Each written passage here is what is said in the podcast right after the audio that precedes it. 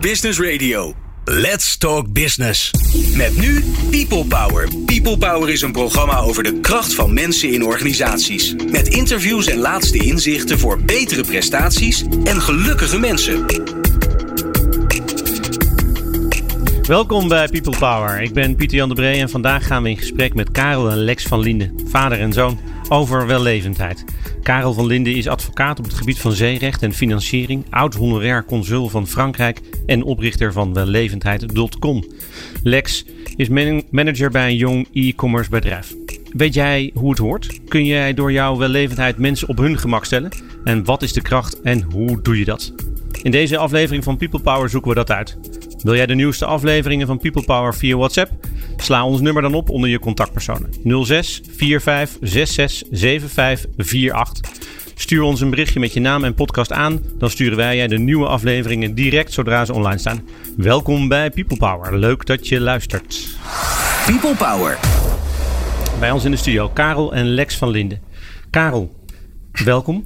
Dank. Wat is wellevendheid? Wellevendheid is rekening houden met andere mensen. Is je verplaatsen in de ander. In een ander behandelen zoals je dat zelf graag zou willen.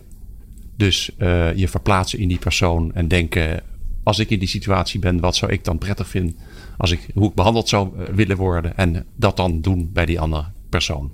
Dat is voor mij wellevendheid. En, en, en waarom is dat nou zo belangrijk? Nou, het is zo belangrijk omdat uh, zeker in de, de hedendaagse Nederlandse maatschappij, die ontzettend verindividualiseerd is. Uh, ik, ik en de rest kan stikken. Uh, hoezo bepaal ik zelf wel? waarom denk jij dat je het beter weet dan ik? We zijn ontzettend op onszelf gericht. En het is goed als je daar even een beetje afstand van neemt en je verplaatst in die andere persoon. Dan maakt het leven veel prettiger voor die andere persoon, maar uiteindelijk ook voor jezelf. Dat klinkt als een hele sterke overtuiging. Waar komt die overtuiging nou vandaan? Uh, ik denk dat ik uh, zeer door mijn ouders zo ben opgevoed. Um, uh, dus het gaat al heel lang terug. En het is eigenlijk een soort, ja, het zit heel diep in mij. Ik weet niet, ik weet niet precies, ik denk dat het daar vandaan komt. Mm-hmm. En ik, ik kan het ook niet laten om. en dat is ook niet heel levend. Je moet ook precies weten wanneer je iemand er wel of niet op aanspreekt. Ja.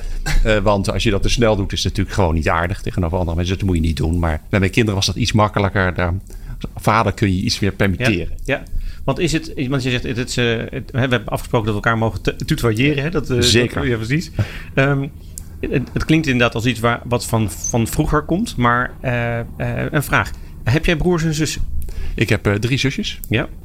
En de jongste die zat naast mij aan tafel en die vond dat vreselijk, want ik liet haar altijd recht zitten aan tafel. De, het, zit er heel, het zat er dus echt wel heel jong in. Ja, dat zat er al jong in. Ja. Oh ja? ja? Is, dat, en is dat omdat je. Was je heel gehoorzaam? Of, of wat is dat? Um, ja, mijn, mijn ouders zijn de generatie van voor de oorlog. Dus die zijn ja, opgevoed in een echt een andere wereld. Uh, dat was ook een beetje een, um, een hele beschermde wereld waarin zij opgroeiden. En die hebben dat dus enorm uh, uh, meegekregen. En ik was de enige zoon. en voor mijn vader was dat allemaal heel erg belangrijk. buitenkant. En dus ik heb dat van hem ontzettend meegekregen. en ik denk dat, ja, dat dat daar begonnen is.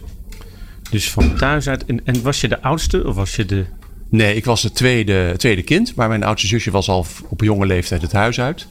Dus ik ben thuis in mijn, laten we zeggen, een hele middelbare schooltijd was ik de, was ik de enige thuis. Of de, de oudste thuis. Ja, ja.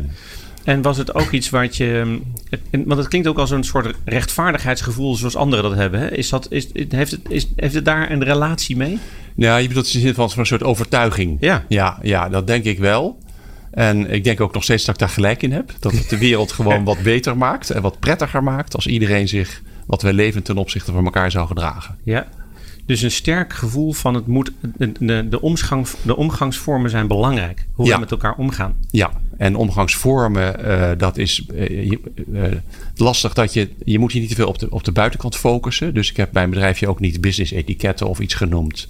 Maar wellevendheid, want het gaat voor mij om de, de binnenkant. Mhm. Maar het helpt wel, die manieren. Kijk, dan heb ik het niet over op een roltrap rechts gaan staan. Want ja, veel van die dingen zijn gewoon Weet je, dan kan er iemand langs. Dat is heel eenvoudig. En als er iemand voor jou staat, dan zal die dat niet doen om jou te pesten en om jou de weg te blokkeren. Maar mensen denken er tegenwoordig niet meer bij na. Iedereen die doet maar, is zelf bezig. Als je dan vraagt, mag ik er even langs? Dan krijg je, heb je haast of zo? Zo'n soort antwoord. In plaats van, oh neem me niet kwalijk. Uh, en dan kijk nou naar landen om ons heen. Engeland, als je het nou over roltrappen hebt en de queuing. Ja, uh, ja dat, dat, dat vind ik heerlijk. Dat is gewoon die mensen die gunnen elkaar die, die plaatsen in de, in, in, de, in de maatschappij. Het is misschien wat psychologiseer van de koude grond. Maar het klinkt ook alsof je daarmee een soort overzicht creëert. Ja, dat is ook zo, denk ik. Ja, ja het wordt allemaal wat overzichtelijker. Dus de behoefte aan jongens. Daardoor hebben we een aantal regels met elkaar, waardoor het wat makkelijker wordt. Ja. Want wij spraken met elkaar voor, wat ik zo leuk vond aan het onderwerp. Want wij eh, werden met elkaar in contact gebracht door een, een wederzijdse kennis. Die zei: Je moet elkaar ontmoeten, zo'n mooi verhaal en een aardige vent. En ze was lovend. En, ehm, en toen dacht ik, ja, wellevendheid, wat, dat is toch wat een ouderwets thema eigenlijk. Ja. Uh, wat moet ik ermee? Ja. En toen ben ik op je site gaan kijken. En toen begon ik het meer te begrijpen. Toen begon ik het eerst zelf te interpreteren. En toen, en toen hebben we met elkaar gebeld. En toen dacht ik, ja, nee, ik kan me daar heel erg uh, wat bij voorstellen. En volgens mij past het heel erg bij ons waar wij het over hebben.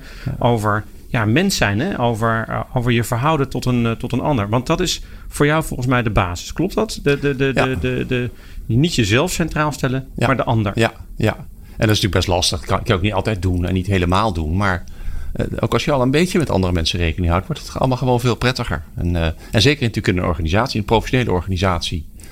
Uh, nou, in Nederland zijn we natuurlijk een hele platte soort samenleving. Dus dat ligt ook weer heel anders dan in andere samenlevingen, waar je een soort gedwongen hiërarchie en vanzelfsprekendheid hebt dat iemand je baas is en dat je er u tegen zegt. In Nederland is dat wat moeilijker, omdat alles natuurlijk egalitair is. Ja. Maar aan de andere kant geeft dat ook, is dat ook reden te meer om. om ten opzichte van iedereen je gewoon uh, ja, open op te stellen. En kan je eens wat, kan je een, een voorbeeld geven van uh, dat, je, dat het jou heel erg heeft geholpen om wellevend te zijn?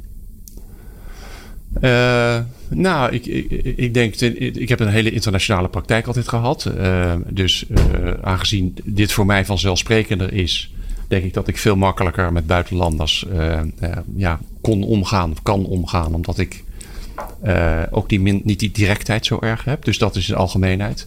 Maar ik denk ook in Nederland dat als je. Ja, mensen zien het wel. Ze, ze merken het gewoon. Dat je, dat je er niet op uit bent meteen over je eigen belang of je eigen positie. Maar uh, dat, je kent dat grapje van die, dat kleine en dat grote stuk taart. En dat kind dat moet kiezen en dat neemt dan de grootste. En dan zegt de ander, waarom neem je dat grootste? Je moet mij de kleinste, je moet de kleinste uh, aanbieden. En, en, dan zeg ik, nee, die wil ik niet. En dan krijg je, krijg je toch de grootste. Weet je? Maar dat is, dus het rekening houden met elkaar. Dat, uh... Ja, ja, mooi. En, en je hebt je zoon meegenomen, hè? Ja. En, uh, want in de artikelen die ik uh, over jou las, uh, werd daar elke keer naar verwezen. Je hebt er vijf. Lex zit hier. Lex, hoe is dat om op te groeien in een gezin waarin wellevendheid zo belangrijk wordt gevonden? ik heb met mijn vader afgesproken dat ik alles zou mogen zeggen vandaag. Ja. heftig. Ja. nee, valt mee. Um, het is anders als je op de basisschool zit, dan kijk je naar, ga je wel eens eten bij je vriendjes en vriendinnetjes. En dan merk je dat het eigenlijk in dit geval aan de eettafel heel anders aan toe gaat. Um, maar ook, ja, ik vond het eigenlijk wel fijn. Mijn vader gebruikte altijd hetzelfde voorbeeld. Uh, wat er nog steeds nooit van gekomen is overigens. Die ene keer dat jij bij de koningin uh, op bezoek bent, dan weet jij wat je moet doen. Nou, daar hield ik me als klein mannetje aan vast. Uh, en toen werd er getrouwd in het koninklijk huis, was niet uitgenodigd. Um, maar als ik nu om me heen kijk naar mijn collega's en mijn wijdere vriendenkring, dan merk je wel dat je heel veel gewoontes en eigenschappen hebt opgedaan uh, tijdens je jeugd. En dat gaat ook over recht zitten aan tafel, mes en vork gebruiken, uh, geïnteresseerde vragen in elkaar stellen. Uh, die heel veel mensen eigenlijk niet meer echt hebben. Um, nee, merk je dat het, dat, het, dat het minder is? Of minder dat je dat van vroeger kent? Wat, Ja, in zekere zin wel. Um, ik vind het heel erg normaal om rekening te houden met andere. Uh, een klein voorbeeld. Uh, als de airco aanstaat op kantoor, sommige mensen hebben het te koud, anderen hebben het te warm. Degene die erover gaat, die interesseert niet wat de rest ervan vindt. wat natuurlijk een heel raar gechargeerd voorbeeld is. Maar het gaat simpelweg over: ga ik voor mezelf kiezen of kies ik voor de groep en zet ik mezelf eigenlijk opzij?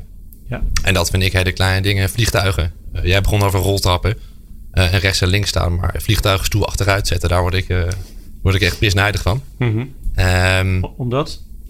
Omdat het simpelweg, uh, het is het tegenovergestelde van rekening met elkaar houden. Je pakt mij mijn ruimte af waar ik voor mezelf op had, op had gerekend gedurende mijn vlucht. die steeds uh, kleiner wordt ook tegenwoordig. Ja. ja. En eigenlijk de enige die erbij wint is degene die hem achteruit zet. Ja. Uh, en dat is, is eigenlijk gewoon precies het tegenovergestelde van wat het zou moeten zijn.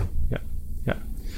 Ja, dus je zegt uh, wellevendheid in deze tijd is nog steeds, is nog steeds belangrijk. En waar ik wel benieuwd naar ben, ook zo meteen, is om eens te, te kijken. Nou, het, je, stelt jezelf heel dienstbaar op, hè? zo klinkt het eigenlijk. Hè? Je maakt die ander belangrijker nog wel bijna dan jezelf. En hoe hoe zorg je dat het vice versa gaat? Dat je dus inderdaad zorgt dat het uh, niet alleen maar degene is, dat je de ander belangrijk maakt, maar dat je ook ja, je eigen positie nog houdt. Dus daar wil ik het zo meteen wel even over met jullie over hebben. People Power. Inspirerende gesprekken over de kracht van mensen in organisaties. Ja, we hadden het net over uh, wellevendheid. Waar komt het nou vandaan? En wat, is de, wat is de historie en waarom vind je het nou zo belangrijk?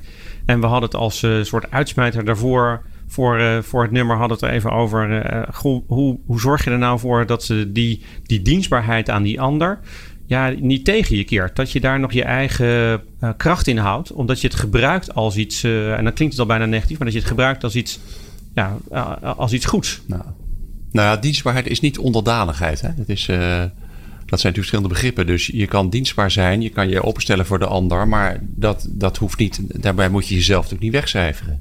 En als je, als je opstaat voor iemand anders, dan word jij daar niet minder van. Dus uh, ik, ik denk dat dat niet zo'n probleem is. Uh, en mensen die dus dat vertalen in onderdanigheid, ja, dan, dan, dan, dan gaat het ook zo. Maar merk je niet vaak dat daar een relatie mee wordt gelegd? Nee, dat merk ik niet. Want uh, als je met, met, met open vizier en opgeheven hoofd je, je netjes gedraagt ten opzichte van andere mensen, dan, dan is de reactie mijn, in mijn ervaring nou juist vaak dat mensen dat eigenlijk heel prettig vinden. En, en er blij van worden. Dus, en, niet denken van, oh, die, die, die, die, dat is een watje. Nee, nee, nee. Ja, we hadden het ook nog over van de... Als je het nou om zou keren, als je nou om zou keren... stel, er is geen wellevendheid. Wat zou er dan zijn? Nou ja, dan, dan krijg je dus een soort, soort, soort ieder voor zich een soort dierenrijk van de sterkste wind. Ja. En, nice. Dat je, je zo moet lachen. Ja, het is een soort van eiland waar, waar mensen elkaar gaan afslachten. Zo beschrijft hij het een beetje. Ja. Maar ergens geloof ik wel dat, um, dat het fijn is om een strikte, nou, strikte, om ergens een set regels te hebben waarin mensen zich uh, aan kunnen houden of niet. Mm -hmm. uh, maar dat in ieder geval een soort van indicaties van wat je zou kunnen verwachten. Mm -hmm. In plaats van dat het totale rampage, totale chaos is. Nou, het, het schiet me opeens een andere vraag binnen. Karel, ik kan me voorstellen dat je, jij, jij geeft de, de, de workshop uh, etiketten en business etiketten geef je regelmatig. Ja. Welke mensen zijn er het meest blij mee? Um, ja, ik doe het meestal aan jonge mensen, dus jonge professionals. Ja. Uh, en uh, nou, ik ken die generatie natuurlijk wel, ja. van mijn eigen zonen. En ik vind het een hele leuke generatie, hele open, open mensen, leergierige mensen. Alleen een generatie die dat dus ja, over het algemeen niet meer van thuis heeft meegekregen. Nou, je hoeft niet meer in dienst, dan kan je niet meer, leren, niet meer leren. Op school durft een leraar niks te zeggen, want dan heeft hij meteen een probleem.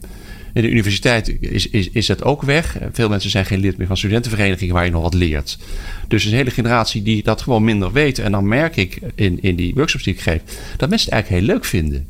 En nogmaals, dan moet je natuurlijk niet als die meneer met grijze haren in de grijsbak die even komt vertellen hoe het moet, maar, maar gewoon mensen handvatten geven en uh, uitleggen waarom dingen zijn. Uitleggen waarom je bijvoorbeeld uh, je, je hand niet in je zak moet houden als je iemand voorstelt. Ja, geef eens een paar voorbeelden. Nou ja, dat bijvoorbeeld, hè, dat was vroeger had je dan misschien een mes of een weet ik wat, een pistool in je zak. Ja. Dus als je je handen uit je zakken, dan liet je zien dat je in vrede kwam. En dus het is natuurlijk onzin, want niemand heeft meer een mes in zijn zak als het goed is. Maar, ja. maar het is wel dan, als je dat mensen dat vertelt, zo, oh ja, dat is eigenlijk eigenlijk wel heel leuk. Eigenlijk wel lollig. Dat ga ik ook doen. En, en dat, dat is de bedoeling. En dus uh, ik geef mensen gewoon handvatten. En ik, ik, ik, ik, geef, ik reik ze dingen aan. Uh, en dan, dan merk ik dat ze dat eigenlijk heel leuk vinden. En, en, uh, en Lex, wat is een voorbeeld die jij, die jij kent? Um, ik, vind het, ik vind het een hele lastige vraag. ik merk gewoon dat het dat, dat mijn leven er gewoon iets simpeler op wordt. Um, omdat het juist, weet je wel, als ik het met mensen over heb. Uh, ik zit dan, als ik in de kroeg ben met collega's, heb bijvoorbeeld over proosten. Hè, waarom proost je? En niet iedereen weet waar het vandaan komt. Eigenlijk komt het omdat je elkaars sappen in elkaars glas probeert te gooien. Uh, omdat als jij dan die andere wil vergiftigen, dan gaat hij minste zelf ook aan. Nou, dat zijn leuke weetjes. En mijn vader had allemaal verschillende verhalen over, uh, hoe heet die ook weer? Cowboy. Zwarte Jack heette die. en Zwarte Jack zat nooit met zijn handen onder tafel bijvoorbeeld tijdens de avondeten. Um, omdat hij misschien wel een pistool had. We weten het niet. Uh, maar zo hebben wij spelende wijze al deze regels geleerd. En het maakt het natuurlijk ook een stuk leuker voor ons om het te onthouden. Ja. En als ja. het dan aan mensen zo'n verhaal vertelt, dan is het ook wel lachen voor hen. Uh, ja. Oké, dat is de achtergrond ervan. Of dat is een leuke anekdote erover. Ja, want is dat ook niet een beetje een basis als je uitgelegd krijgt wat de achtergrond is van een etikette, dan snapt iedereen hem. Ja, veel, veel regels, maar ook andere regels natuurlijk niet. Uh, kijk bijvoorbeeld met welke vork en mes je precies eet. Als je een helemaal volgedekte tafel hebt. Uh, ja, ik zit liever naast iemand die er een potje van maakt, met wie ik gewoon een hele gezellige avond heb. Dan iemand die het precies weet en alleen maar over zichzelf zit te praten. Dus je, je moet die relativiteit er wel van inzien. Ja. Alleen als je, als je en gezellig bent en je weet ook nog welke vork en mes je moet hebben, ja, dan heb je dus net even dat extraatje. Ik, ik heb zelf wel eens gemerkt dat ik uh, terugkreeg dat, uh, dat mijn dochter een hand gaf. En uh, dat diegene die zei van, goh, wat fijn dat, je, dat ze dat al leert. Want die, die gaf terug dat ze dat nooit had meegekregen van thuis. Dus ze zich eigenlijk vaak heel erg onhandig voelde in allerlei sociale settingen. Ja. Omdat ze niet wist hoe het hoorde. Ja. En dat is volgens mij, hè, dus de vraag was misschien een beetje een inkopper. Dat je heel vaak merkt dat als je het niet weet, voel je je onhandig. Ja. En dus volgens mij is jouw pleidooi voor als je het, als je het kent, dan eh, kan je je heel gemakkelijk voelen. En zeker vanuit de setting dat je, ja, als je op een ander bent gericht, dan is het om die ander op zijn gemak te stellen. Exact. Ja, Oh, ja, toch? Ja. Ja. Want dat is, wat het, hè, dat is het verhaal wat ik over jou kreeg. Ehm Karel is zo'n fijne gastheer. Nou ja, maar hoe komt dat, denk je? Dat ze dat eh, over jou zeggen? Ja, ik vond het natuurlijk heel leuk om te horen. Maar dat, dat gaat, bij mij gaat het langzamerhand vanzelf. Dus ik, doe er geen moeite voor. Dat is natuurlijk zo ingehamerd eh, in de loop der tijd. Of ingedaald, zo je wil. En, eh, maar dat is, en de voorbeeld die ik bijvoorbeeld geef is op een receptie. En je ziet iemand alleen staan. Dan zeg ik altijd, ga dan naar, ga nou naar meneer of mevrouw toe. Want die, ja, die, als jij daar alleen eentje stond, dan vind je het ook fijn als er iemand naar jou toe komt. Ja, wat moet ik dan zeggen? Ik zeg, nou, het maakt niet uit wat je zegt. Van tevoren zeg, ga, voordat je naar een receptie gaat, moet je drie verhaaltjes instuderen. Maakt niet uit waar het over doet, er niks toe. Want die meneer of mevrouw die daar alleen staat, vindt het hartstikke fijn dat jij naar hem toe komt, of haar, Ja. en een verhaaltje begint. En dan doet het er niet toe waar het over gaat. Ja.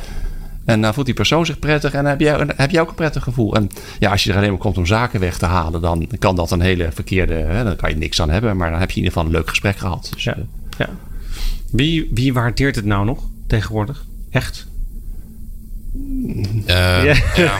mijn vader en ik logischerwijs. Ja. Eh, maar eigenlijk, eh, hoe hij net beschreef, eh, het, het leren aan mensen en de mensen dat het leuk vinden om te leren. Ik denk dat het eigenlijk een heel brede groep is van mensen die het nog echt kunnen appreciëren als je een juiste eh, beleefdheidsvorm hebt. Als jij voor het eerst eh, de ouders van je vriendinnetje gaat ontmoeten, dan, dan ben je inderdaad, zoals jij net uitlegde, eh, redelijk op je gemak gesteld. Maar heb je ook, heeft, de familie heeft ook meteen het idee van, hey, wat een leuke, leefde, beleefde, eh, wel opgevoede jongen.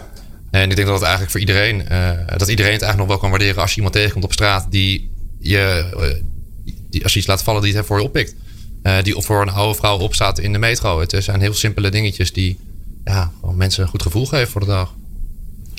Is het, is het belangrijk tegenwoordig als, eh, als leider om, het, eh, om te weten wat le- wellevendheid betekent? Als we daar eens de, de, de link mee maken. Ja, ja, ja, voor mij is dat een hele duidelijke ja. Je moet het goede voorbeeld geven. En dat zie ik dus ook, eh, ik zal geen namen noemen, eh, van mensen op mijn, eigen kantoor. Maar als, als ouderen niet het goede voorbeeld geven, ja, wat kun je dan van die jongeren verwachten hoe, hoe- wat zij doen?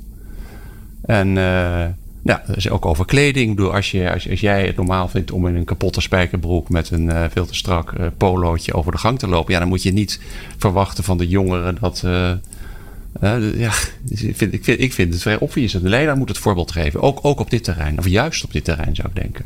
Ja. Mee eens. En daarbuiten eh, denk ik ook, juist omdat het eh, heel veel sociale situaties heel erg vergemakkelijkt, zal je ook altijd zelfverzekerder eh, overkomen. Wat natuurlijk voor, eh, voor de mensen in jouw team Mhm. belangrijk is dat zij een leider hebben waarop ze kunnen rekenen. En waarvan, waarvan ze denken, nou die jongen die heeft het helemaal voor elkaar, die snapt het wel. ja, dus wat je zegt, dienstbaar, maar niet onderdanig. Ja. Omdat je, je, je stelt je op als gelijke. Ja. Is, is dat, is dat, Ja. is dat een, een, Ja. een principe daarachter? Dat je je opstelt als gelijke? Dus bij iedereen? Ja. Nou ja, ja gelijk in, in de zin van, van dat je een ander op dezelfde hoogte als jezelf. Het wil niet zeggen dat die. En in een organisatie heb je lagen en rangen en standen. Maar we zijn allemaal mensen. En ik weet dat dat zelfs mijn grootvader, die deed de deur open voor de werkster. En dat was in die tijd vrij bijzonder. Eh, en nu ook weer, denk ik. maar gewoon, ja, weet je, dat zijn, die, dat zijn we zijn allemaal mensen. Dus wa- waarom, waarom heb jij meer rechten of meer, ja, je verdient misschien meer. Je hebt andere verantwoordelijkheden. Maar als mens moet je je op dezelfde manier gedragen. Nou, mooi. Zometeen uh, gaan we verder. Ik uh, ben nog heel benieuwd uh, als we dat ook um, doortrekken internationaal. Je gaf er net al wat voorbeelden van. Je, Lex, jij gaat naar het buitenland. Hè? Dus ja. Hoe, hoe, hoe, pas je dat zo meteen toe? En, en Karel, jij bent honorair consul geweest van Frankrijk. Ja. Um, ja, hoe heb je dat toegepast in je werk? Ja, um, ja nou ja, dat, goed en veel. Want met name Frans, als je die dan noemt. Het is natuurlijk een, een veel hiërarchische maatschappij. Na de muziek. Ja. People Power. Inspirerende gesprekken over de kracht van mensen in organisaties. Ja, we hadden het net over als we het nou eens om zouden keren en welke relatie heeft het met leiderschap. En dat heeft het heel veel, hè? want uh, uiteindelijk uh, gaat leiderschap onder over het goede voorbeeld uh, geven. En voordat wij Sail On hadden als nummer, Um, hadden we het nog even over met elkaar van, goh, hoe pas je dat nou internationaal toe? Want dat was ook een pleidooi die jij in het begin hield. Hè? Van als je met elkaar, als je weet hoe het hoort, en zeker in het buitenland, dan helpt je dat. Nou ja, Lexi gaat binnenkort naar het buitenland, dus die, die zal daar ook profijt van hebben. En, en Karel, jij was honorair consul van Frankrijk. Dus jij hebt daar alleen maar mee te maken gehad. Dus kan je eens wat vertellen over, jou, over jouw praktijk daarin? Ja, nou ja, in Frankrijk, dat was dus via het consulaat waar ik heel veel contact met Fransen had. En ik heb altijd een internationale praktijk gehad, heel veel met Duitsers en met Engelsen en met, nou ja, van alles en nog wat gewerkt. En, uh, en, en daarbij merkte ik dat veel van Nederlanders, ja, die verdiepen zich daar helemaal niet in. Die, die denken, ja, ik ben zoals ik ben en je moet me maar nemen zoals ik ben. Hè? Dat is heel erg Nederlands. Ja. En meteen ter zake willen komen. En uh, het bekende verhaal van de Franse uh, directeur die in Nederland op bezoek komt en die een broodje kaas en een glas melk voorzet. En die zijn natuurlijk allemaal heel beleefd. Dus die zullen met een vriendelijke glimlach dat broodje opeten. Maar wij zijn ons totaal niet ervan bewust dat mensen uit andere culturen andere, andere, niet alleen andere gewoontes hebben, maar anders in elkaar zitten. En uh, dingen anders waarderen. Ehm, nou, dan kom je bijna op het gebied van de culturele antropologie. maar, en het is ook heel moeilijk om cultuur te beschrijven. Want vergelijk maar een Limburger met een Fries. Dan heb je al twee werelden. Of een Amsterdammer met iemand uit Ermelo. Ik hoop dat niemand beledig. Maar dus, en, en vrouw, man, godsdienst, leeftijd, onderwijs, alles, alle, al die dingen bepalen je cultuur. Maar in Nederland heb je, kan je wel een grote gemene deler uh, nemen. Waar je zegt van nou, we zijn heel erg direct en heel erg platte, platte maatschappij. In de zin van uh, onhierarchisch, meer vrouwelijk dan, dan mannelijke maatschappij. en dat is bijvoorbeeld over de grens naar België al totaal anders. En naar Frankrijk. En als je een Fransman op bezoek krijgt, een directeur van een bedrijf. En dan zeggen wij, nou jongens, zoek maar een plekje uit aan tafel voor de lunch. Ja, ja, dat werkt niet zo bij een Fransman. Die, die, die directeur wil naast zijn evenvoet zitten. Mm -hmm. uh, even knie. Want als die daar niet naast zit, dan... Ja, en die zit naast de jongste stagiaire in het geval van mijn kantoor. Uh, wat misschien wel veel gezelliger is. Maar dat doet er voor hem niet toe. In zijn cultuur, hij moet naast de belangrijkste mens zitten. En dat soort dingen, die, die, die bepalen allemaal ook je succes in het zaken doen. Het, uh, dat is ook weer rekening houden met die ander. Hè, wat, niet verplaatsen in die ander. Wat vindt hij nou prettig? En dat kan iets heel anders zijn dan jij prettig vindt en dat jij gewend bent. Maar dat, ja, dat is iets waar, waar wat wij in Nederland ook heel slecht in zijn. Om daar, daarmee rekening te houden en uh, ons daar een beetje naar te gedragen. En we weten allemaal dat als je een Japaner een kaartje geeft, dan moet je dat met twee handen doen. Nou, dat is ongeveer het enige wat wij begrijpen. Mm -hmm. uh, en verder dat er culturele verschillen zijn, dat ja, een Nederlander gaat, die komt binnen en die wil zaken doen. Zegt, hè, we, lager, ik, ik geef toch de laagste prijs. Boter bij de vis. Ja, en dat is iemand uit Limburg is dat al niet normaal de laagste prijs. Want als de neef ook meedoet aan de aanbesteding, ja. ja, dat is toch familie? Ja. Ga, je toch niet, ga je toch niet voor die lage prijs? Die, dus dat, als je dat allemaal niet begrijpt, ja, dan maak je gewoon fouten in je, in je, in je, in je werk. En dus het is, helpt enorm als je dat een beetje begrijpt. Ja. Hoe die regeltjes werken. Ja. En, en, en Lex, heb jij, uh, waar, waar, kijk jij naar uit met deze achtergrond die je hebt? Je gaat naar het buitenland toe. Nou, ik maak me eerlijk gezegd wel een beetje zorgen. Um, ik ben. Uh, ik werk, werk, zelf in de sales. Ik ben een best wel directe jongen. Ja. Uh, en verhuis naar Kuala Lumpur in een zeer Aziatische cultuur. Waar, ja, ik weet niet hoe jij het zou beschrijven maar in ieder geval heel anders is dan die Nederlandse, ben ik wel bang dat ik als hele botte hork uit, uit de hoek kan komen. Ondanks, ondanks je achtergrond, daar ben ik toch wel benieuwd naar. Hoe krijg je dat nou voor elkaar? Ik denk dat ik een calibratieperiode nodig heb. nou, even kijken hoe dit precies gaat lopen. Um, Want is dat, mag ik even, je, je, is dat ook jeugdige overmoed dan? Is het afzetten tegen, tegen je vader? Want je ben best wel direct. Nou, dat zal in je genen zitten, dus wie je bent. Maar uh, je bent ook niet, uh, niet zo aangeraakt met het, uh, met het virus dat, je, dat het je in die zin heeft veranderd? Nou, ik vind het belangrijk om rekening te houden met mensen en dat zij zich op hun gemak voelen, absoluut. Um, alleen, ja, en dat, dat wil ik net aan jou, eigenlijk aan jou vragen, is um, op het gegeven moment lijkt het een beetje alsof je een soort van compromis opzoekt waarop je bijna niet meer jezelf echt kan zijn om iemand anders een, een plezier te doen. En dat is iets wat ik wel redelijk weiger. Uh, maar desalniettemin ga ik wel mijn uiterste en stinkende best doen om die uh, mensen in Kuala Lumpur wel uh, op hun gemak te laten voelen, uiteraard. Maar dat is dan toch die link met dienstbaar versus onderdanig? Is dat, is dat, is dat bij jou toch een, nog een contact? Bij mij is dat, iets, is dat misschien iets minder, zoals je zegt, aange, aangeraakt dan bij mijn vader. ik vind het gewoon heel erg belangrijk om. Ik, ik zeg heel vaak hele domme dingen, omdat ik gewoon heel veel zeg. En dat is prima mensen weten, oh, dat is Lex, dat zegt inderdaad best wel vaak rare dingen. uh, terwijl, ja, en, en, ja als, als, mensen weten dat, als mensen weten dat ik zo ben, dan is het voor hen ook geen verrassing meer of, of is het, het voor hen ook niet meer vervelend. Terwijl ik wel gewoon mezelf kan blijven zijn. En dat vind ik wel weer een, uh, een heel belangrijk iets. Ja, ja, jeetje, dat is een lastig. Want je zelf, ja, dit is, dit is ongeveer waar we mee begonnen. dit is uh, in het begin, ja, nou, zo ben ik nou eenmaal. Je moet me nemen zoals ik ben. Dat is de typische nou ja, Nederlandse ja. uitspraak. Ja, en, en dat is wel, weet je wel, uiteindelijk ben ik wel te gast in, in, in dat land. Uh, en zal ik ook zeker mij moeten gaan conformeren aan wat zij belangrijk vinden. En, en hoe zij graag aan tafel zitten. En ja, hoe zij uh, het weekend bespreken. Of ze dat met collega's willen doen of alleen met, met, met beste vrienden, dat weet ik niet.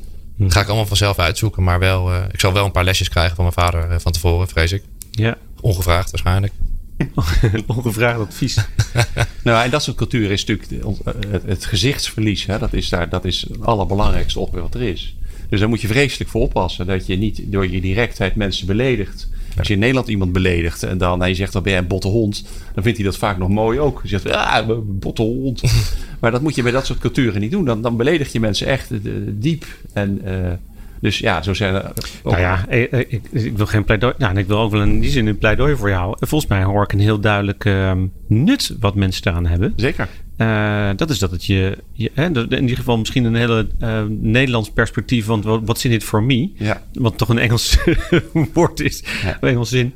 Um, dat is volgens mij dat het je succes vergroot. Ja. Toch? Dus het vergroot de mogelijkheid om succes te hebben. Ja. Omdat je. Nou, dus maak hem eens af, Karel. Waarom is het. Uh, jij zegt ja? ja nou ja, dus, kijk, het is al in Nederland al zo.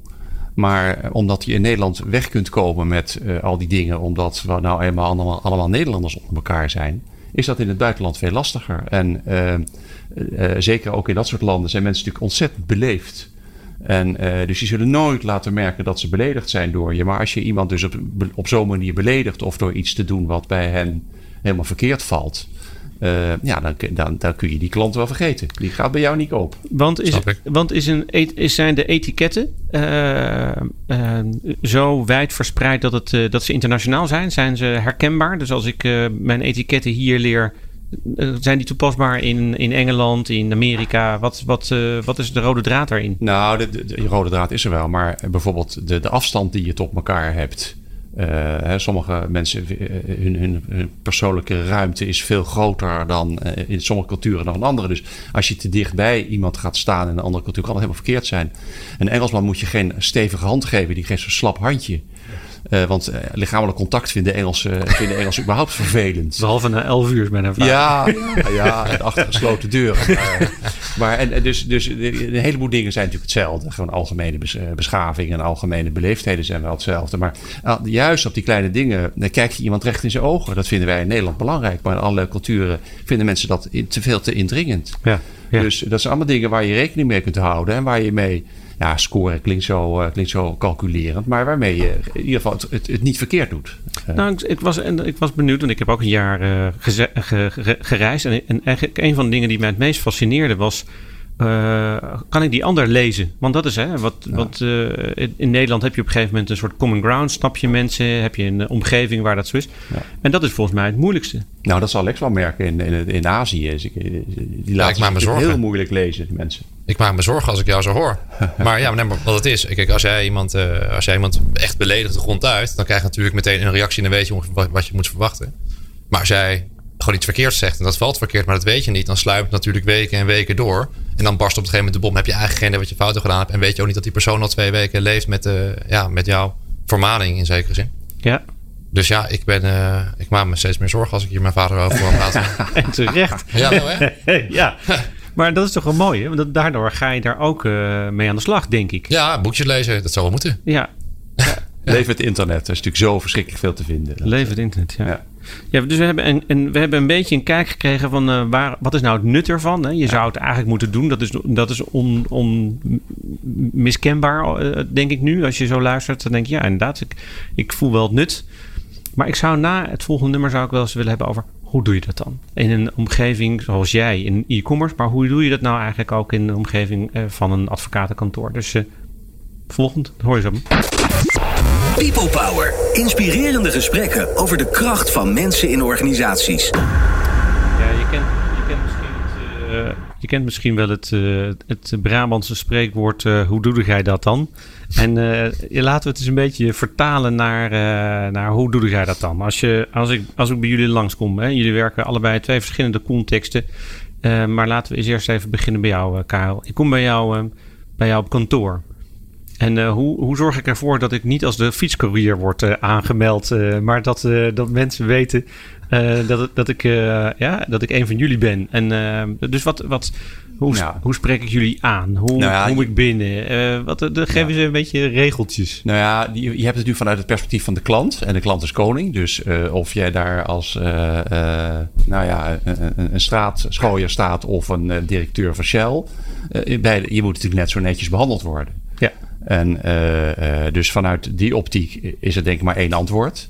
En waar, waar ik me meer op richt is, is de, de jonge advocaat die daar een, een klant ontvangt. Dan mag ik toch nog zeggen, ik kom, ja, ja. ik kom jou binnen. Hoe word ik ontvangen? Wat is voor jullie vanzelfsprekend omdat je zegt, ja, maar dat, zo doen we dat nou eenmaal. Wat is dat? Nou ja, als het goed is ben je aangekondigd. Dus weet uh, de receptioniste dat jij komt. En als het goed is, zegt ze: uh, Nou, meneer de Bree, wat leuk dat u er bent. is het allemaal gelukt? U kunt uw auto makkelijk parkeren? Blablabla. Dat, persoonlijke ontvangst. Even iemand zich welkom laten voelen. en dan moet hij vervolgens niet een kwartier in de wachtkamer zitten. Dan moet hij gewoon meteen geholpen worden. En, en dus ja, dat iemand zich zo welkom mogelijk voelt. Dat, kijk, in, in mijn vak, er zijn wel meer kantoren. En, en wij roepen altijd wij de beste zijn, maar dat roept iedereen. En dus op een bepaald niveau van dienstverlening, daar heb je heel veel concurrenten die het allemaal ook kunnen. Dus waarom eh, kiest een klant dan voor jou? Nou, het is mede op de manier waarop die behandeld wordt. En hoe welkom die zich voelt. Ja. En hoe gewaardeerd hij zich voelt. En, dus dat is mijn ontvangst. En dan? Hè, je zegt, het maakt dan niet uit of ik inderdaad uh, eruit zie als een straatschroefje of als de, de directeur van, van Shell. Uh, en dan? Hoe, hoe, hoe kleed ik me dan? Ja, dat moet je zelf weten. Ik bedoel, het is niet zo dat je bij ons niet binnenkomt als je. Als je...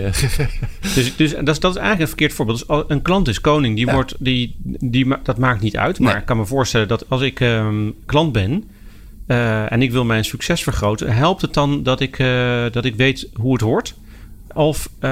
Ja, in zijn algemeen dat wel. Want dan komen we precies terug op de discussie die we net hadden. Dat, uh, en of, of die dat in de relatie met zijn dienstverlener doet. Daar ligt de verhouding net iets anders. Want die dienstverlener wil graag zijn product verkopen. Wil zijn diensten verkopen. Ja. Dus die zal natuurlijk veel meer accepteren dan andersom. Ja. Uh, in, in, de relatie tussen klant en advocaat. Dus nou kom ik bij jullie werken. Ja. ja. Nou ja, dat, een mooi, mooi verhaal daarvan is dat uh, de jonge stagiaire die, die moet dan het kantoor rond om zich voor te stellen. En uh, die kwam, dan op een gegeven moment komt er een jongen binnen in zijn hemsmouwen. Uh, en die steekt zijn hand uit met één hand in zijn zak. Die zegt: Hallo, ik ben John. Hallo. Ja, dus ik zei: John, heb jij een achternaam? Dat was al vraag één. En vraag twee was: John, heb jij ook een jasje? Ja, dat hing over zijn stoel in uh, beneden. Dus nou, ga dan even je jasje aantrekken en dan mag je terugkomen. En dat was uh, voor John natuurlijk heel vervelend, maar het was eigenlijk gênant, omdat hij liep met een jonge stagiaire van ons die er al werkte. En die jongen had dat ook moeten zeggen. Ja. En die, en ja, dus, uh... en dus, en dus. Maar dan gaan we ook weer terug naar het begin. Ik kan het niet na, nalaten om dat toch te, te, zeggen. Nou ja, dat is een jonge stagiaire die dan bij mij op kantoor komt werken. Dus dan vind ik dat ik iets meer vrijheden heb om die, die, jongen aan te spreken op uh, dat hij het niet zo moet doen. Want, want, want waarom moet hij het zo niet doen? Nou ja, omdat hij dan doet hij het straks ook zo bij een klant als die binnenkomt. Precies, dus je helpt hem eigenlijk. Ja, helpt, want, want ja, en zoals je thuis dingen leert, dan is het niet zo erg. In je eigen kantoor, daar kun je het ook makkelijker iemand leren dan straks in het echi, zou ik ja. maar zeggen. Ja, ja.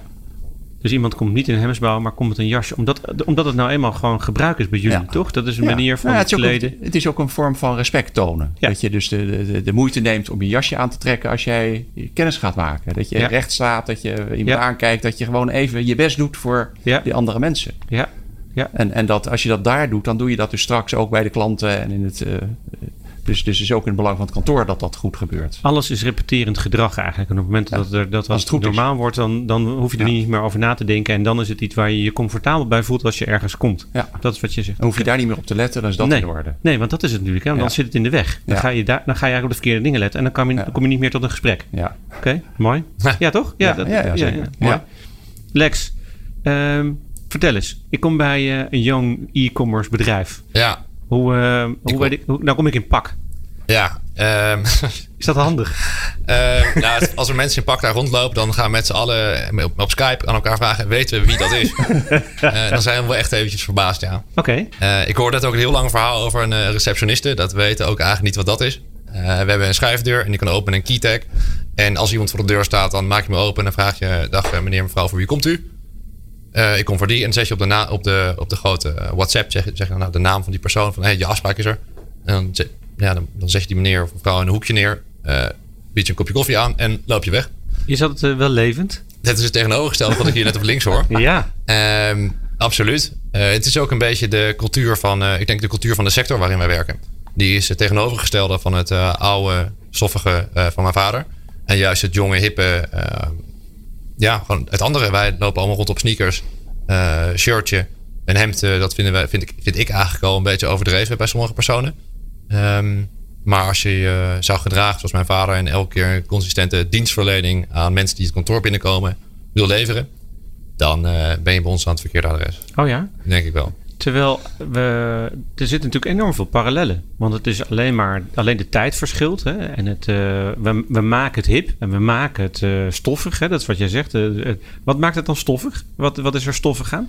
Ik denk dat uh, de regels van de advocatuur de afgelopen 50 jaar uh, marginaal zijn veranderd. Mm -hmm. uh, en dat die van ons in de afgelopen vijf jaar zijn gevormd.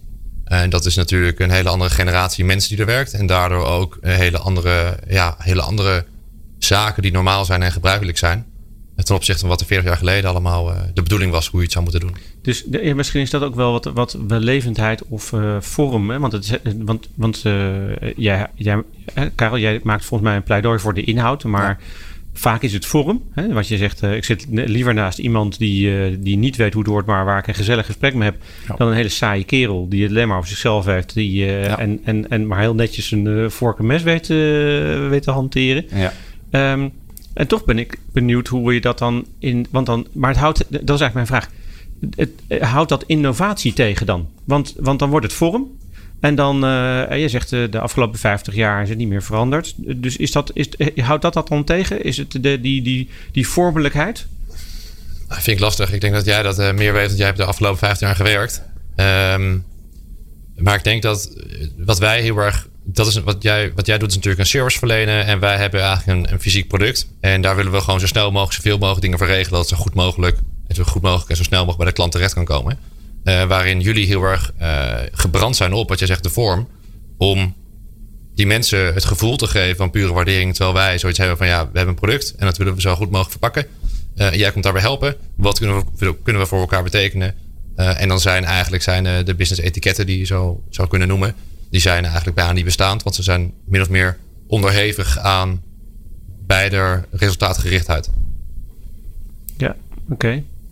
Ja, dus ik zit voor mezelf nog uh, te, te, te, kijken als ik. Uh, dus ik kom bij jullie binnen. Nou, want ik was benieuwd, hè? Dus ik kom ja. bij jullie binnen en ik krijg alleen maar een kopje, kopje koffie nadat ik me heb aangemeld. En ik word in het hoekje gezet en dan ja. komt mijn afspraak. Ja. Uh, dus die wellevendheid zit, is er minder. omdat je zegt, ja, maar wij, wij, zijn, wij zijn hip. Zou je ook wel levend en heel hip kunnen zijn? uh, nou, je ziet me zitten. heel, heel wel levend en hip. Ja, absoluut. Dames en heren, hier is hij dan. Dat, uh, zou dat kunnen? Ja, natuurlijk zou dat kunnen. Um, want kijk, als het, mijn, als, het mijn, als het mijn klant zou zijn of iemand die voor mij op bezoek komt, dan krijgt een hele andere behandeling dan wanneer iemand anders uh, zijn of haar afspraak komt ophalen. want ik vind het wel belangrijk om even te vragen: hey, wat wil je dan? Een kopje koffie, thee, water en dan een praatje maken. en die persoon op zijn gemak voelen is de eerste dat u komt. Misschien even een kleine rondleiding geven. Dat die persoon weet waar ons transportteam zit. Hoe onze marketingafdeling eruit ziet. Noem maar op. en dan voelt die persoon zich veel meer op zijn gemak om inderdaad met mij in een vergaderruimte in te stappen. En te gaan hebben over waar we het over moeten hebben. Ik denk dat elke meeting bij jou hetzelfde begint met dat je even voorstelt, nou, ik ben Lex en ik doe dit en dat, dit is mijn rol, dit zijn mijn verantwoordelijkheden. Doet iedereen en dan kan je daarna gaan praten over het inhoudelijke van het werk. Um, dus ik denk dat iedereen het op zijn eigen manier wel of niet doet. En ik doe het uh, op mijn manier. En, ja. en als je het nou, uh, je had het net over afleveren. Hè? Als ik um, Zit daar ook niet een soort vorm van hoffelijkheid in? En hoe ik inderdaad mijn pakket, uh, ik weet niet waar, aflever bij de klant. Ja. Daar komt toch ook hoffelijkheid bij uh, om de hoek kijken? Absoluut. Heb je, heb je daar nog een stemming gehad? Heb je daar nog invloed op gehad? Nee, helaas niet. Um, wel een hele mooie tool helpen ontwikkelen om de persoon die het aflevert ook het werk te trainen op hoe ze dat moeten doen. Oké. Okay. Uh, want dat is, ja, dat, dat, is natuurlijk voor een, een techbedrijf, een e-commerce bedrijf, zijn er niet heel veel gezichten. En als dat het enige gezicht is, dan moet dat gezicht inderdaad de hoffelijkheid hebben, eh, de uitstraling, de openheid en de, de bereidheid om eventuele vragen eh, te kunnen beantwoorden. Oké. Mooi, ik, ik vind het een mooie afronding eigenlijk. Want wat ik, wat waar, waar we door een soort vogelvlucht zijn gegaan, is naar hè, de, de historie van, van, van wellevendheid en waarom het zo belangrijk is. En wat ik er heel erg uit meeneem, is dat het tijdloos is dat het nog steeds zijn nut uh, heel erg uh, bewijst. Uh, en misschien moet je over een paar jaar terugkomen, Lex, om te vertellen hoe die wellevendheid zich vertaald heeft naar jouw succes in het buitenland. Ja, Want dat, dat is heel erg wat ik ervan zie. Hè. Op het moment dat je wellevendheid een beetje in je genen hebt, dan verplaats je je in die ander. En maak je het voor jezelf eigenlijk gemakkelijk, omdat je je heel makkelijk en comfortabel overal kan verhouden.